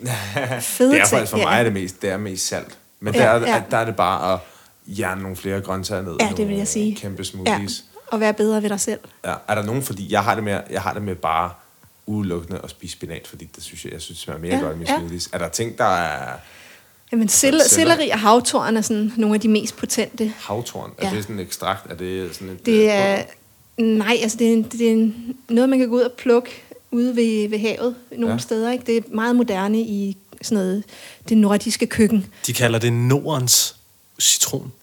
Okay. Okay. Jeg, har, jeg har været ude og plukke rigtig meget havtorn. Der vokser ja. sindssygt meget herude i Sydhavn. Gør der det? Ja, ja. Du er sådan, det er sådan nogle små øh, gule bær, men man skal passe lidt ja. På, fordi altså, den hedder havtorn. Man stikker sig af helvede ja. til på den, hvis ikke man er forsigtig. Men jeg tror, de er bedst, når de vokser ude ved stranden. Ja. Altså, så man har lidt saltindhold på en eller anden måde. Ja. Ikke? Mm. Øhm, jamen, det er nok bedst at bare gå på kronometer, og så prøve at taste nogle ting ind og se, hvor har, er der højt sodiumniveau. Ja. Men jeg vil lave grønne smoothies, tror jeg. Altså, og, og gerne en masse øh, salat ned. ja. Og få en masse mineraler derfra, ikke? Fordi det, der sker, når man blender salat, jamen, så knuser man cellerne, og man får adgang til en masse mineraler og, og vitaminer, som man ikke sådan selv vil kunne tykke sig til. Så det er lidt ligesom, hvis du spiser en vindrue helt, jamen, så kommer den helt ud i den anden ende. Så man skal ligesom have knust de her celler. det? Ja. øh, og, og, og der knuser man det jo bedst med, med tænderne, men altså, hvis man så, så blender det, jamen, så, så, så gør man lige arbejdet for, for kroppen, ikke? og så kan man virkelig mærke det, så man kan godt få nogle detox-reaktioner, hvis man øh, blender sin salat, så man skal starte sådan i det små. Okay. Ja. Hvad med... Øhm, hvor, tit, hvor tit spiser du egentlig? For jeg oplever, jeg oplever, at jeg kan gå fra at være helt vildt mæt, når jeg spiser raw, og så er jeg sulten igen halvanden time efter. Okay. Selvom jeg har spist sådan, øh, jamen, altså sådan 3 kilo mad. Okay, Altså, øh, eller sådan 4 liter smoothies. ja. Så kan jeg være sulten igen to timer senere. Jamen, det lyder som om, du har en rigtig høj forbrænding, men det kan også være noget med, at, at du har fået udvidet din mavesæk så meget, så, så den bare er stor og, ja. og bare gerne vil fyldes ud hele tiden. Ikke? Så det kan være, at du skal tage en periode, hvor du simpelthen øh, ikke, altså du underspiser en lille smule for at lige at få, få den lidt mindre. Det tror, det tror jeg, Ja. det tror jeg den nyhed, jeg ikke vil høre. Ja. Men jeg tror, det er sandheden. Jeg tror bare, jeg er lidt efter et quick fix på en Ja. måde. Fordi jeg kan... Men det, det går hurtigt, en uge eller sådan noget, så er du tilbage i Ja. en normal jeg, størrelse. Jeg kender altså. ikke nogen, der kan spise mere, end jeg, jeg Nej. kan. Og jeg er ikke, det er ikke, fordi jeg er overdrevet stor person, men jeg har bare altid kunne En spise. høj forbrænding. Jeg kan, jeg bare fylde, jeg kan bare, der kan bare virkelig være meget. Ja, ja. Jeg kan, det kan spille sådan, okay, nu bliver det sådan. jeg, kan, jeg, kan, jeg kan spise meget mad. Lad os bare sige det sådan. Altså, jeg kan jo lige sige til, til dem, der lytter med, at, at grunden til, at man spiser store portioner, det er jo fordi, der er rigtig meget vand i frugt især. Ja. Så, øhm, så når man skal have den samme mængde kalorier som i et opvarmet måltid, jamen, så skal man bare have dobbelt så stor portion, fordi det er vand halvdelen af det. Ikke? Mm. Og for at der er plads til det, jamen, så skal man udvide mavesækken en lille smule i starten, og, og det gør man ved at spise en lille smule mere i hver måltid, end man egentlig kan. Bare lige, sådan, lige en ekstra bid. Ikke? Og så på sigt, jamen, så er der så plads til lidt mere. Øhm, og så hvis man skal tilbage til den gamle kost, jamen, så skal man jo så gøre det modsatte, ikke? og så underspise lidt, og så, så skr- hvad hedder det? Så skrumper. Skrumper den igen, ja. Ja. Ja, det er det, jeg ikke vil høre. Nej, Sygt. desværre. Det kræver, Sorry. det kræver arbejde. Eller en- og, og disciplin. Eller en gastrisk bypass. Ja. Åh, oh, ja, det, det, er jo, det er jo gratis Hvad? Er det det? Danmark. Seriøst? Ja, Ja, ja. ja. Du, du skal veje, du skal have en BMI på et eller andet over 35-40 stykker, før du må få sådan en. Ja, ja. Det. Men hvad med sådan detox-symptomer og sådan noget? Er, er, det, er det alle, der, eller er det kun folk, der, øh, der har levet meget usundt? Altså, jeg tror, det handler om, mm, hvordan ens helbredstilstand er, og hvordan ens udrensningsorganer er. Ikke? Så hvis man har en lever og nyre, der ikke rigtig kan følge med, så kan det være, at det kommer ud igennem huden især. Øhm, og så kan det være, at man får mere hovedpiner og kvalme, eller maveproblemer eller sådan noget. Altså, det, det er meget relateret til, hvad man fejler i forvejen. Mm. Så hvis man har en mave, der ikke fungerer, jamen, så vil den gå helt i, i ballade, så at sige. Altså, der kan komme forstoppelse, eller diarré, eller ga- gasser og sådan noget. Mm. Og altså, jamen, nej, men det svinger bare enormt meget, hvad, hvad det er. Altså tandkødsbetændelser, eller ting, man ikke har haft i måske 10-20 år, kan lige pludselig blusse op, og, og så ligesom om, at kroppen skal gøre sig færdig med at reparere det, den gik i gang med dengang. Så, så hvis man nu gør det her, og, og går i gang og, og får influenza, eller et eller andet, man ikke har haft længe, jamen, så er det okay, og så skal man så bare lade det passere, ikke? Så der er mange, som, som når de begynder at få de her detox-symptomer, så bliver de bange og tænker, uha, det virker ikke, vel? Men, Eller det er farligt for Ja, det er farligt, ja. ja. Men det er netop, fordi det virker, og det er en periode, man skal igennem, ikke? Mm. Og så kan man så øh, justere processen ved at, at gå langsommere til værks, så man kan spise mindre råt, eller mindre frugt, eller mindre tungt, eller me, hvad hedder det, mere tungt. Øhm, og så simpelthen, ja, lidt kontrollere processen, og hvor hurtigt det skal gå. Ikke? Mm. Og hvis man bare siger, at jeg er ligeglad med det der detox, jeg skal bare all in, jamen, så kan man jo så hoppe direkte på 10 dage med meloner, ikke? og så tror jeg, man ligger der rimelig sikkert. Altså, det er i hvert fald det, jeg ser folk, når de gør det, ikke? at, at mm. de ryger direkte i detox. Og det er typisk forkølelser og influenzaer, der er sådan de klassiske hovedpine, måske nogle maveproblemer, bumser, eksem eller sådan nogle udslæt. Ikke? Det er sådan nogle af de klassiske. Hvad er sådan den vildeste succeshistorie, du nogensinde har oplevet med den her kost her? Udover wow. dig selv. Udover mig selv, wow. Ej, det, det kan jeg ikke engang huske. Det skulle jeg bedt mig om at tænke over inden, tror jeg. altså, du sagde noget med, med nogen, der havde haft cancer. Ja, men det var en, en ung pige, som jeg mødte på en festival i USA. Og, øhm, og hun havde fået diagnosen sådan en uhelbredelig hjernekræft. Og, øh, og hende og hendes mor havde så bare let alle vegne efter løsningen, ikke? Og, og var så til sidst kommet frem til det her, og havde det bare sådan, jeg prøver det bare, fordi jeg har ikke noget at miste ved det, vel? Og, og hun har altså både ændret kost, men også sin indstilling til det, for det tror jeg er rigtig vigtigt. Altså, at man også er positiv over, at man kan blive rask, og at man ikke bruger al sin tid på at fokusere på sygdom, og, og man generelt er optimistisk og positiv. Ikke? Og hun havde så ændret sin mentale indstilling også, og jeg ved ikke, hvor lang tid det havde taget, men hun var i hvert fald blevet rask, og, og lærerne havde været helt målløse og sagt, at det kan ikke lade sig gøre, altså. Hvordan wow. kunne du det, ikke? Ja. Det og, og jeg har nogle folk på den YouTube-video, der simpelthen skriver, at hun må lyve, fordi det kan ikke passe. Uh, man skal ikke læse kommentarer. Nej, det skal man ikke. man skal bare trykke dem, slå dem fra. Ja. ja. Værste mennesker i verden, det er det, de Ja, det er frygteligt. ja. Ej, hvor vildt. Louise, du er jo, du er jo coach. Og, øh, og du sagde, at hende der pigen med, med hjernekancer, hun, hun begyndte at fokusere på de positive ting og sådan noget. Ja. Kan du prøve sådan at fortælle os om, hvad, har, altså, som coach, hvad, hvad, hvad er det, man gør, og hvordan er det, man ligesom tænker og, og skal tænke? Jamen altså, det handler jo meget om at få det første at finde ud af, hvor er det, folk gerne vil hen.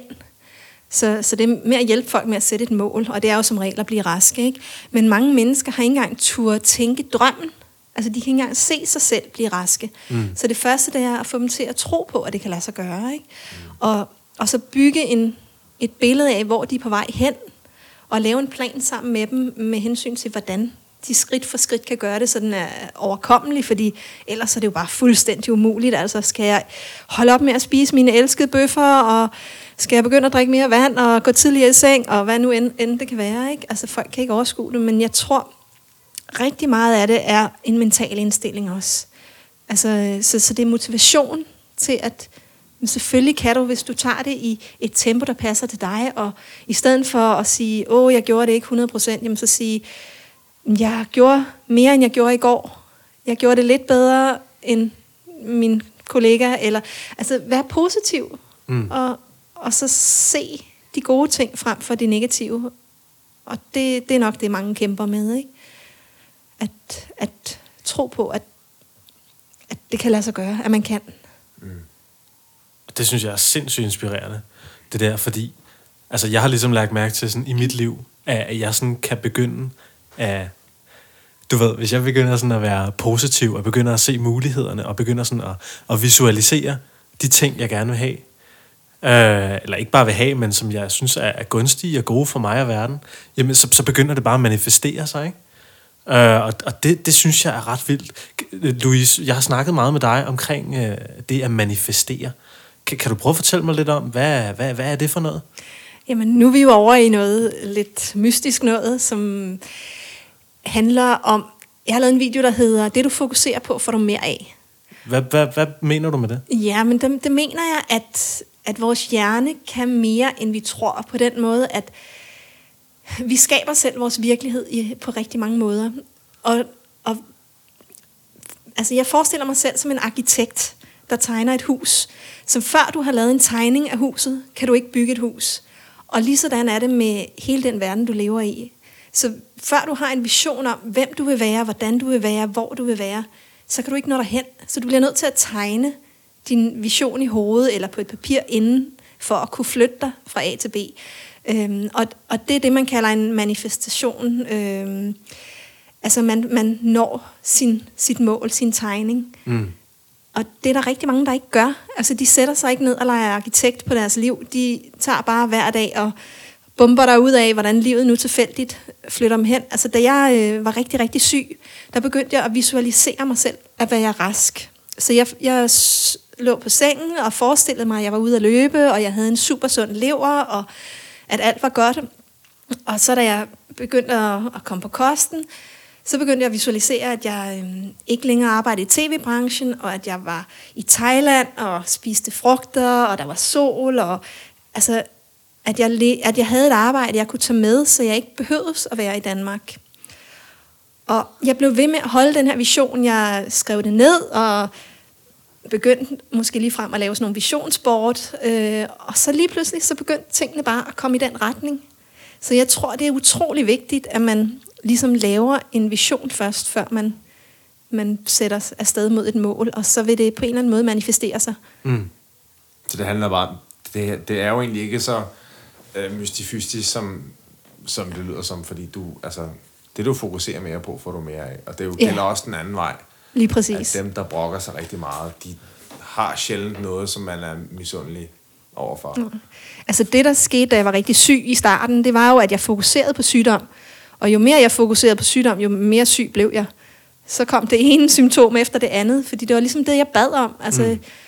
Jeg bad kroppen om syg, mere syg, mere problemer. Altså, og, og så, ja, så manifesterede det sig.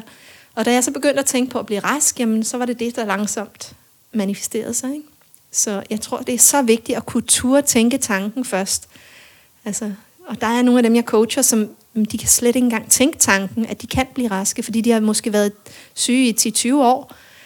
Øhm, så, så det er så vigtigt at få flyttet den tro på, at det kan lade sig gøre, ikke? og så få dem til at begynde at tegne deres, deres hus, deres fremtid. Hvad er vigtigst? Ens tanker eller kosten? Jeg er lige ved at sige, at tankerne er faktisk vigtigere end kosten. Mm. Fordi at jamen, tankerne hænger sammen med din krop. Altså for sygdommen i hvert fald, at du kan ikke få en, en rask krop, hvis ikke at dine tanker kan komme i de baner. Mm. Så vil det blokere for det på en eller anden måde. Ikke? Så ja, det er en kæmpe hurdle, som rigtig mange øh, kæmper med. Og, mm. og den skal man over. Klart. Klart. Vigtig, vigtig viden. Helt sikkert. Ja. Fedt. Hvor langt er vi inde? Vi er lige øh, knap øh, en time og kvarter inde. Ja. Så vi har lige et øh, kvarter mere med dig, Louise. Uha. oh, men, men Hvad har I ellers i, i lommen til mig? Ja, det ved jeg ikke. Vi er, nu er vi jo begyndt at, at grave rigtig dybt, jo. Altså manifestationer og tanker og livsførelse og sådan noget. Det ved jeg ikke, Niklas. Har du noget, du godt kunne tænke dig at vide om Louise? Jo, er, er det noget, du kunne forestille dig sådan både... Øh blevet mainstream på en eller anden måde. At sådan, fordi det er, jo, det er jo helt, altså sådan som jeg ser det, så synes jeg, det er så langt ude, at ernæring slet ikke, det, det altså lærerne bliver ikke undervist i det, og jeg ved godt, de har helt vildt meget på tallerkenen i forvejen, det er jo, altså, ja. det burde ikke være deres job, men der, der bliver fokuseret så meget på medicin, og i stedet for, altså behandling i stedet for forebyggelse. Ja. Kunne du forestille dig, at, at ernæringen Hvordan ser du, at tror du, det bliver mere mainstream i, i, Jamen, i altså, fremtiden? Da jeg startede på det her, der byggede jeg jo en vision. Øh, og der var visionen, at, at det blev mere og mere normalt at spise rent frugt og grønt. Øhm, og jeg har faktisk i de sidste syv år set det langsomt ske. Mm. Altså nu kan man jo se, bare den veganske bølge er, er blevet kæmpestor. Øh, men også bare med, med den her podcast, altså at, at de allerede på nuværende tidspunkt har fået så mange seere, eller lyttere hedder det, øh, er, jo, er jo ret interessant. Så der er jo en stor bølge, der, der kommer nu til, at vi vil gerne leve sundere, og vi vil gerne have det bedre. Øh, økologi er blevet kæmpestort, ikke? Og folk begynder at spise køderstatninger i stedet for rigtig kød. Og, altså, jeg, jeg tror på, at vi langsomt er på vej i den rigtige retning. Altså bare i Chiang Mai, da jeg var der for første gang, der sad vi fem mennesker på den her kost og kiggede på hinanden. Og nu er der jo måske flere hundrede mennesker, når der er en festival, ikke? Så det har jo virkelig vokset. Og Ja, du sagde en kendis dernede lidt. Hvis du Nej, af de, øh, gamle. Ja. Nej, der kommer så mange fra hele verden, så de ved ikke, hvem lille Louise er ja, okay. fra Danmark. øhm, Men der kommer nogle store der kommer nogle og rigtig store, ja. Det er altså meget, Dem har meget du sjovt. også interviewet på din kanal, ikke? Ja, Mange jo, af dem, der jo. har sådan, altså op mod en million følgere på, øh, på YouTube og sådan noget. Ikke? Jo, jeg har efterhånden mødt de fleste af de der Ja. ja. store guruer, ikke? Så Ja. ja. det er meget Hvordan, sjovt. hvordan er de? Altså, de der guruer der. Altså, er de sådan totalt guruagtige, og bare, eller er de sådan helt normale mennesker? de, de er helt nede på jorden, super søde og, og helt nede på jorden. Altså det, jeg vil bare sige, folk, der spiser meget frugt især, de er bare så vidunderligt glade, positive, hjælpsomme, high vibe. Øh, så der er, ikke, der er ikke noget snopperi der. Fedt, Ja. fedt, mand. Lækkert. Louise, hvis nu der sidder nogle lytter derude og tænker, det der med, med, med coaching og det der med at spise sådan her, det, det kunne jeg godt tænke mig noget hjælp til. Hvordan, øh, hvordan får man så fat i det? Uh, jamen, så skal man jo bare ind på min hjemmeside, og den hedder Rask på Raw. Det er sådan lidt langhåret at stave, r a s k p a a r a w.dk. Og så kan man sende en mail der. Man kan også øh, bare finde mig på Facebook, Louise Kok. Mm. Og så er der et billede af mig med en masse frugt i armen, og så kan man skrive der. Og du er også på, på YouTube både under... Øh, du har Raw, det er den danske, og så Ja. er den engelske, der er Fruity Lou, ikke? Fruity Lou, ja. Ja. F-R-U-I-T-Y-L-O-U.com. Eller, ja, det er så hjemmesiden, ikke? Ja. Øhm, Og du har også fortalt om alle dine forskellige bøger. Du har jo i dag ikke kun denne her, vel? På din hjemmeside, der er jo mange. Ja, men jeg har en del e-bøger også, ikke? Ja. Ja. Så det er en med grønne smoothies, og en med opskrifter, og en kom i gang guide. Den kan man hente gratis på min hjemmeside, så man simpelthen får sådan et, et overblik over, jamen, hvis man vil spise sådan her for helbredet, eller bare for at få det bedre, mere energi og blive gladere, jamen, så er der sådan en forslag til, hvad man kunne spise af frugt og grønt, øh, og lidt om, hvilke andre områder man kan ændre. Fordi det er jo ikke kun kosten, jeg snakker om. Jeg snakker også om søvn og vand og motion og jamen, tanker og velbefindende og sådan noget. Ikke? Så det er sådan en lidt all-round guide. Fedt. Og vi skal selvfølgelig nok komme med links til alle de her ting. Åh, så det være behøver sødt af ikke. I behøver ikke sidde med, med, Med søgemaskinen. frem. Nej, vi skal nok komme med links. Så. Det der med, med at se altså en vegansk ko- kost vokse, hvordan ser I det? Har I set, altså oplevet, at der har været noget fremgang? Ja, Det, jeg har kun været veganer i næsten to år. Ja. Så det ved jeg. Jo, det synes jeg. Altså, jeg synes, der siden, jeg følte mig meget, jeg, jeg ved ikke, om det bare er sådan, fordi jeg har opsøgt folk, men jeg synes, da jeg startede, og startede ud, der følte jeg mig meget alene, ikke? Ja. Øh, men nu, der er folk sådan i min omgangskreds, gamle venner og sådan noget, der er blevet veganere, ikke? Jeg har sådan to venner, jeg har set i mange, mange år, ikke? Uh, en ven, der er slagter og sådan noget. Du ved, jeg der aldrig nogensinde kunne drømme om at blive veganer. Han, er, han spiser vegansk nu. Fedt. Eller han spiser plantebaseret, ikke? Og så også hans op. bror spiser også plantebaseret. Så har jeg også en, en veninde fra gymnasiet, der også er veganer. Og så har jeg... Øh, det er bare meget interessant at se, at det ikke kun er sådan folk, jeg har mødtes med på de sociale medier, men, øh, eller folk, jeg sådan har mødt igennem Facebook-grupper, men også bare mine gamle venner. Også bare er begyndt at, at omfavne den her livsstil her. Bare måske ikke at, at spise øh, 100% raw, men i hvert fald uh, flytter lidt med det, og, ja. og synes, det er interessant, og i hvert Men fald du er også fra Frederiksberg. Kasper, jeg er fra Hvidovre. Jeg kan slet ikke ikke genkende til det der. det, det der er slet ikke tilfældet på Vestegnen. Okay. Der skal, du, der skal du godt nok lede langt efter noget som Shit, helst. mand. Der ikke er med medisterpølse eller frikadeller eller sådan noget. Ja, okay. Men, men jo, som, for at vende tilbage til spørgsmålet, jo, jeg, jeg tror da, det, det vokser. Det vokser. Det snakkede vi også om, inden podcasten her startede. Ikke? Det kan man jo også se, når man ser på alle de nye steder, øh, der er at spise. Nu kender jeg kun til København, men der er jo, altså, det er jo ikke svært. Og der er rigtig mange steder, der de får, altså også med Facebook, folk, folk skriver, for, for eksempel, hvis jeg skal ud og spise et sted, så skriver jeg på deres Facebook-væg, spørger, om de har noget, hvis ikke det fremgår af deres hjemmeside selvfølgelig. Ja. Øh, så kan du spørge på, på Facebook, og så ved, så ved stederne, okay, der er supply and demand, vi skal lave noget, øh, noget vegansk. Så det er, det er ret nemt at spise ude på den måde nu. Også bare dating sites. vokser. Altså, der kommer flere og flere øh, plantebaserede dating sites. Jeg Hvad er det, der er noget, der hedder Kale Date? Jamen, der er en dansker, Kale som bor i Sverige, som har lavet kaledate.dk eller .com.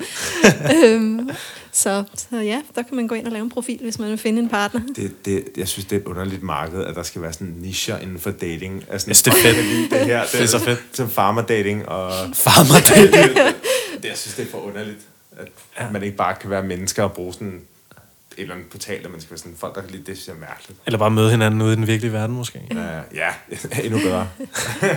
I don't know. Siger altså, den, som har mødt sin kæreste på Tinder. Det har jeg ikke. Jeg har sgu ikke mødt den på Tinder. Nej, det er det. Jeg talte mig selv. Jeg talte okay. mig selv. Nå. ja, for du mødte din på festivalen, ikke Kasper? Ja, jeg, jeg mødte uh, sgu min kæreste på din frugtfestival, Louise. Ja. Og ja, så du, du uh, Kirsten Giftekniv. Simpelthen. Og ja. Og ja. Det er så meget sejt. Ja. ja, det er sgu meget cool. Ja, noget jeg sådan generelt oplever, det er også det der med at inspirere folk. Altså bare det, at man selv gør det, uden at putte det ned over hovedet på folk, så er der rigtig mange flere, der bare bliver sådan inspireret til, om, hvad er det for noget, lad os prøve det der mærkelige. Ikke? Mm. Så det har jeg helt klart lært, at det der med at prædike, det, det skal man holde sig langt væk fra. Ja. Og så ellers bare være et godt eksempel. Ja, ja man kommer ikke nogen regn med, Nej. med prædiken. Nej. Det har... mindre man kan sådan putte, putte ind noget humor. Lave, lave det sådan, så ja. folk kan grine af det. Ja. Det er den eneste måde, man kan få det øh, spiseligt for dem på en eller anden måde. Mm. Men det selv, det er svært. Ja. Altså, jeg arbejdede på Danmarks Radio på et tidspunkt, og jamen, der tog jeg jo gladeligt mine mango og meloner og jordbær og whatever med i kantinen og sad der og spiste. Og så, så lavede jeg den finte, at øh, når folk spurgte, så prøvede jeg sådan at undvige at svare. Og folk jo sådan, hvad, hvad er det for noget, du spiser, og hvorfor gør du det? Nå, det er bare lidt for helbredet, eller Nå, det er bare noget, jeg gør. og så blev de jo vildt nysgerrige, og de blev ved og ved og spørge, og til sidst så sådan, åh, oh, okay, så fortæl jeg dig lidt om det, ikke? Altså, øhm, og ja, det, det havde meget bedre succesrate, end, end der, da jeg startede med at simpelthen sige til folk, nu skal du høre, det her det er fantastisk, det skulle du prøve, ikke? Mm, ja. øhm, så helt klart, lad folk komme til dig. Omvendt psykologi. Ja, det virker. Det virker? Ja, også ligesom til børn, ikke? Børn vil have det, de ikke må få. Selvfølgelig. så, så hvis man har børn i familien, så skal man sige, ej, det her det er mors mad. Du kan lige få et job, men din mor skal have sin smoothie. Ej, må jeg ikke nok? okay, så får du en lille smule, men ikke, ikke så meget. altså, og så med tiden, okay, så, ikke? Ja, det, det er i hvert fald erfaring, at og folk, de synes jo, det er vildt lækkert at se på, især frugt. Ikke? Altså, de fleste kan jo lide det. Og de ser det jo bare som sådan noget, man, øh, som er dessert. Og så kan det også være, at jeg lige skal nævne den der med, at får man ikke for meget frugtsukker, for det er der jo rigtig mange, der tænker. Altså med alt det frugt, så må man få alt for meget frugtsukker. Det er jo ikke tyk. Ja, også det. øhm, og, og det er simpelthen øh, fedtet i kosten, der laver balladen. Så hvis man holder fedtindtaget rigtig lavt, så kan man spise alt det frugtsukker, man vil, har jeg opdaget. Ikke? Så, øhm, så nej, jeg har ikke sukkersyge på nogen måde. Jeg har ikke candida, som jeg havde før i tiden, og, og jeg er ikke overvægtig på nogen måde. Så, Ej, du er så. super slank. Ja, tak. Ja. Og, og, og du danser jo, altså du dyrker Ja. jo sport. ja, ja. Uh, standarddans. ja. Så, så du er i gang. Fra Ja. sengeliggende til, til konkurrerende danser. Simpelthen. Bum. Ja. Jamen, øh, man kan meget, hvis man øh, gør det, der skal til. Klart. Bestemt. Der har plantemad og især frugt været virkelig et hit for mig. Fedt. Ja. Louise, vi skal snart til at lukke ned for dagens podcast. Mhm. Mm-hmm. Men øh, det har været super fedt at have dig inde. lige klart. sige. Tak Mega fordi jeg måtte være her. Det Altså, var super fedt. Sindssygt inspirerende. Jeg tænkte på, om du havde noget, sådan, du tænkte på, du gerne ville tilføje, som du måske ikke har fået sagt. Puh, Et eller andet, du brænder inde med mm, til vores lyttere. de kan følge mig på Instagram. Mm. Der havde jeg også Fruity Louise. Som Vi skal kan- nok komme alle linksene Kommer, til det hele. okay, ja. Det, det er næsten det nemmeste. For der viser jeg nemlig lidt af, hvad jeg spiser. Øh, hvis man følger mig på, på de daglige videoer, så viser jeg lidt af min kost, hvis man skal inspireres der. Ja. Um, Og der smider vi også på vores Instagram, så, så laver vi lige en... Fedt. Ja, Ja. når vi poster det her. Yes. Sådan så folk lige... Det er nemmere. Okay. Ja. Ja, og Så linker vi lige til dig der. vil jeg bare sige, at jeg synes, det er et super fedt initiativ, I har gang i her. At I simpelthen får det her op at stå og får inspireret folk til at spise nogle flere planter. Det er så fedt. Tusind tak. I lige måde. Ja, tak, Louise. Tak. Det er fedt. Øh, dine bøger, hvad er det, de hedder? De hedder Naturligt Rask, del 1 og 2. Så den ene, det handler kun, eller det handler om livsstilen, om min historie. om hvordan jeg var rigtig syg og blev rask. Og så nummer to, det handler om den her 80-10-10-kost, og også lidt om livsstilen. Ikke? Og dem kan man finde på biblioteket? Ja, på... De skal da købe den. De ja, de skal da købe den. Via min hjemmeside. Selvfølgelig. Det er bedst via din hjemmeside, ikke? jo, det er det. Jo, det skal man lige pointere. Ja. Fordi så, så får forfatteren, så er det forfatteren, der får penge, så får forlaget. Ja. Eller butikken. Nej, det er, den er faktisk til salg via min fars butik. Så, Okay, så, sejt. ja, så, så det er mig, der får pengene i år. Ja. Det, er jo det, det er jo det, man vil. Man vil støtte dem, der har lavet det. ja. Svedigt. 100 procent. ja. Og du er også på YouTube? Det er jeg, ja. Og der er det også rest på raw food. Ja, det har vi sagt, Ja. Kasper. Har vi det? Ej, jeg er så totalt uh, koger her. Skal vi, uh, skal vi ende den her? Skal vi vente her? Ja. Ja. Tak øh, fordi I lyttede med. Det var dejligt. Har I nogle øh, kommentarer, spørgsmål, likes, så skriv til os. Vi er altid klar til at læse jeres kommentarer. Både på iTunes, hvor du virkelig skal smide en vurdering. Ja, det er mega vigtigt. Det er så vigtigt. Giv os nogle stjerner. Ja. Giv Vi os har fået nogle mange, men vi gerne have flere. 100 stjerner. Ja. Tusind stjerner. Alle stjerner. Og, øh, og følg os på øh, Instagram. Og følg os også gerne på Facebook. Vi hedder Plantetinget. Er der mere at tilføje, Niklas Kenko? Det synes jeg ikke. Det er i orden. Jeg synes, vi skal ud og nyde vejret. Ja, du skal i seng. Du skal tidligt op. Jeg skal tidligere op morgen. Jeg skal op og løbe ultramarathon. Uh. Au. det stikker helt af. Nå, øh, ja. Plantetinget out. Vi ses. Ja, vi ses. Hej.